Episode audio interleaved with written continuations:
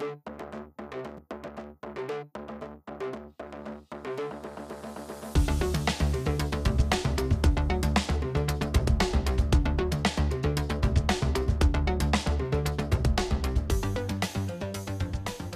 og velkommen til tolvte episode av Spøkelser etter avdøde størrelser.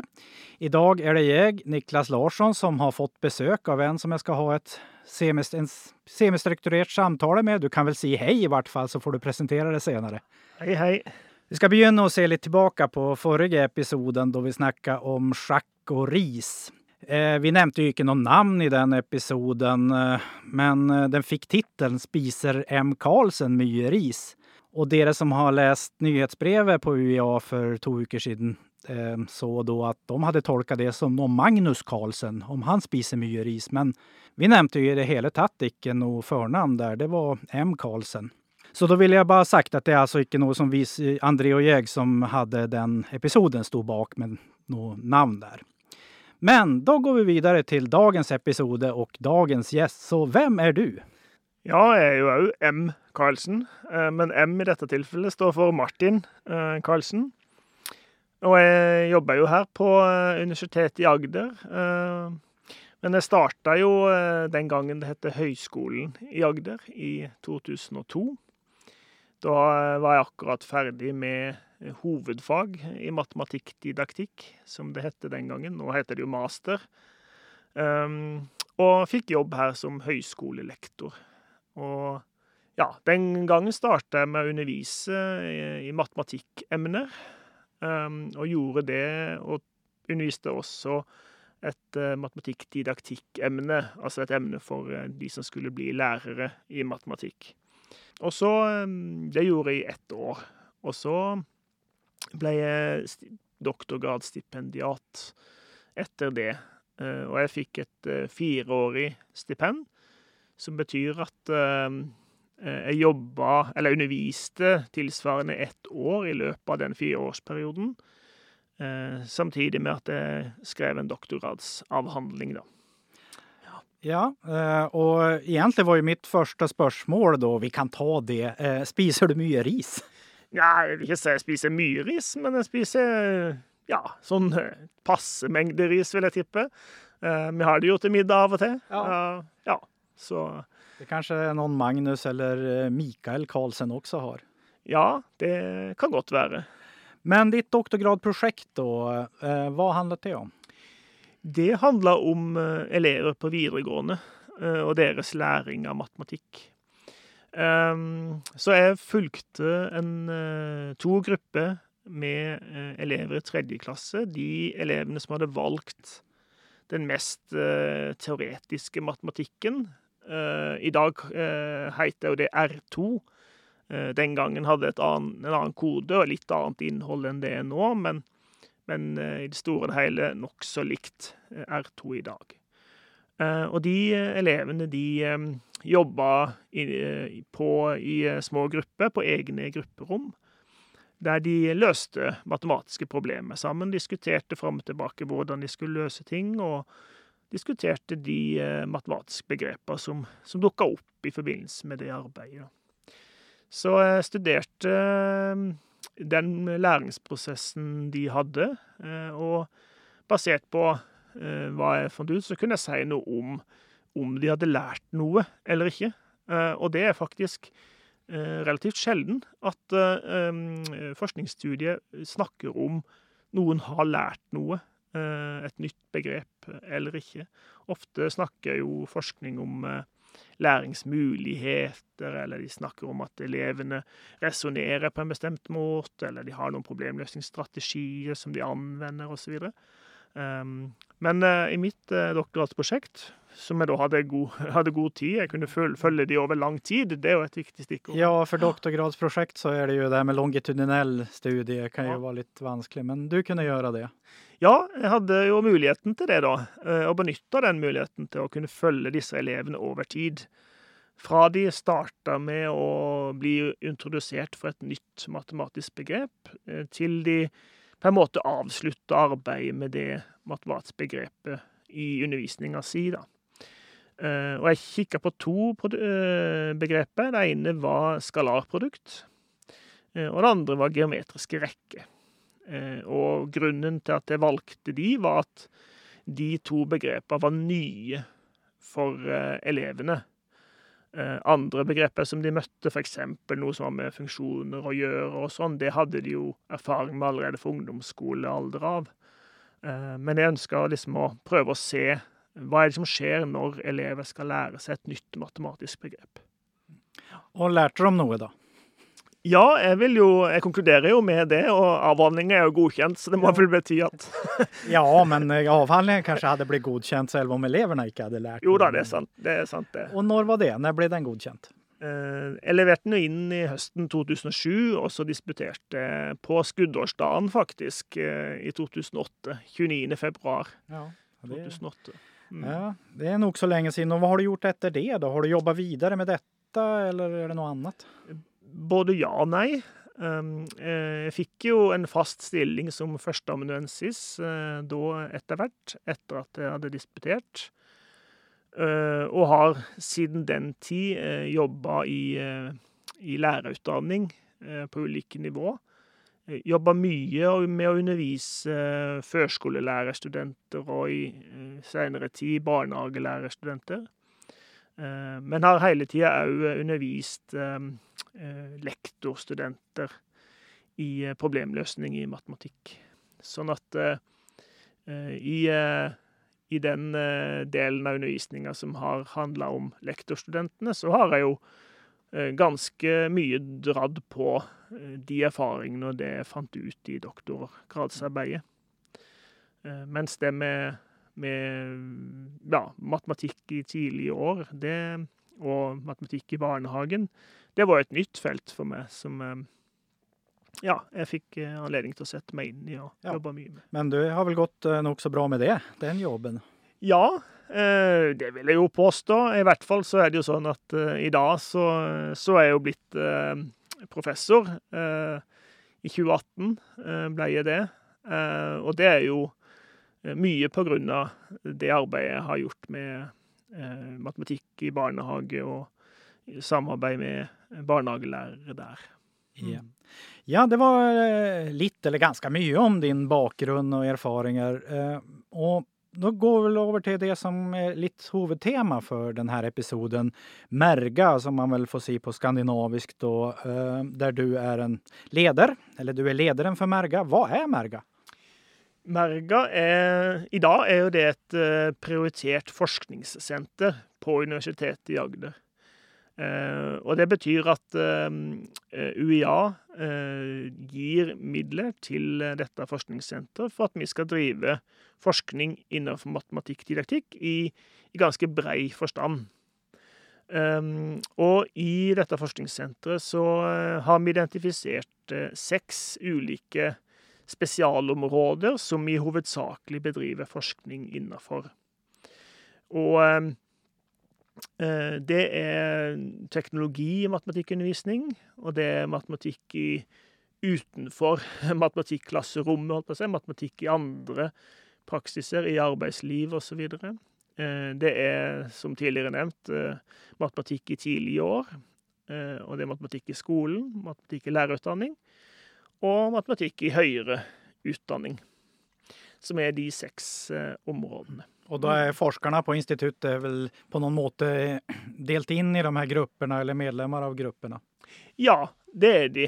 Noen, noen av oss er jo med i flere grupper, for vi har jo Mange av oss har jo forskningsinteresser som går i litt grann ulike retninger. Jo, jeg har nå en kobling til lærerutdanningsgruppe, men har vel også en til høyere utdanning.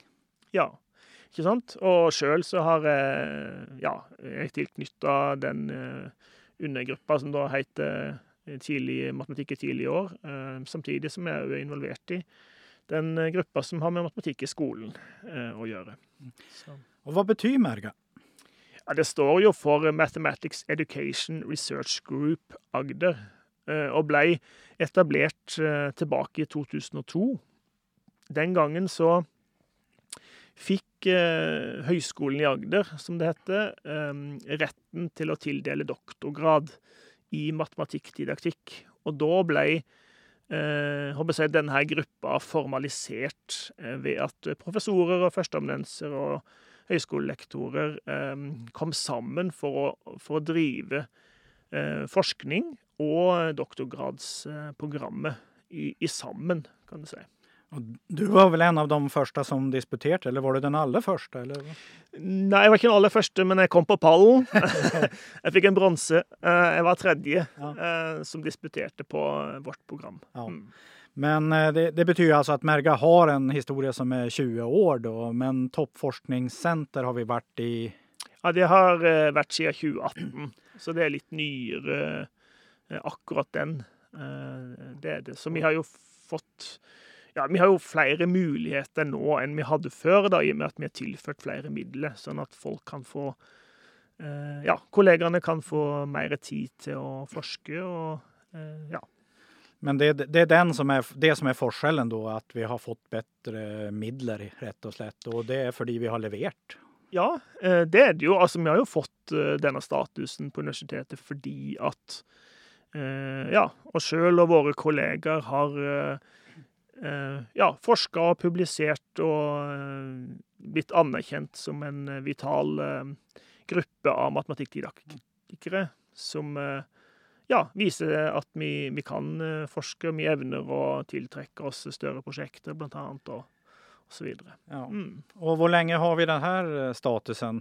Ja, forhåpentligvis lenge, men hvor lenge er det garantert? Det er garantert til og med 2023, sånn at det er jo, det er jo inneværende år og neste år som er, eh, som er finansieringsperioden. Og så, så, står det vel at du kan søke om å få tre års eh, forlengelse mm. av finansieringsperioden, da. Så vi får ikke snakke for lenge her, vi må gå og forske i stedet? Ja, det kan du si. Målsetting for Merga har du vel allerede kanskje vært inne litt på, men kan du si noe mer om det? Ja, altså målsettinga er jo ganske stor. Altså vi ønsker jo å være led, et ledende miljø for matematikkdidaktisk forskning i, eh, i, verden, faktisk. Eh, det er klart at eh, konkurransen er jo hard. Det finnes jo mange kloke mennesker rundt forbi i verden som driver god matematikkdidaktisk forskning. men noe av vår forse på UiA i Merga er jo at vi er mange vi er en stor gruppe av mennesker som, som er forskere i matematikkdidaktikk. Eh, og det, det, er noe vi eh, prøver å dra nytte av så godt som mulig. Og ja, og hoved, hovedmålsettinga er jo å forske og bedrive eksellent forskning. Det er jo i første omgang, og i neste omgang så er det jo da hvordan denne forskninga skal kunne bli implementert i vår egen undervisning her på universitetet. Eh, og òg selvfølgelig hvordan dette får eh, eh, kan bli implementert i undervisning i, skolen på ulike nivå. Ja, det er en bred målsetning, og det skal vi klare. Og sen har det jo skjedd noe Jeg husker ikke når det var, men det siste året i hvert fall, at vi har fått en nasjonal forskerskole. Ja, det er veldig, veldig nytt, egentlig. Ennå det er bare noen få, få, måneder gammelt. Eh, det var i januar vi fikk beskjeden fra Forskningsrådet. Eh, og 1. april er den offisielle oppstarten av en nasjonal forskerskole Tuller du? i eh, Nei, det er ikke det. Det er ikke, det er ikke tull selv om det er 1.4, nei. Så en nasjonal forskerskole i matematikkdidaktikk og naturfagdidaktikk. Og i, eh, i, denne nasjonale forskerskolen så er det jo veldig mange aktører som står bak. Eh, det er 15 institusjoner, høyere utdanningsinstitusjoner i Norge som har gått sammen om å lage denne forskerskolen. Eh, og det er alle universitetene pluss pluss noen av høyskolene. Og alle institusjoner som egentlig driver ja, selvfølgelig matematikkdidaktisk og naturfagdidaktisk forskning. Og òg de som driver lærerutdanning innenfor de to faga. Og eh, der er jo eh, planen at eh, doktorstudenter som i dag eh, er tilknytta doktorgradsprogram rundt forbi på, på, universitetene, skal kunne komme sammen i denne skolen og diskutere, eh, utveksle ideer, inspirere hverandre til å drive fabelaktig forskning innenfor disse to feltene. Blir det noen eh, koppling at man får flere stipendiater fordi man er nasjonal forskerskole, eller eh, er det noe slikt?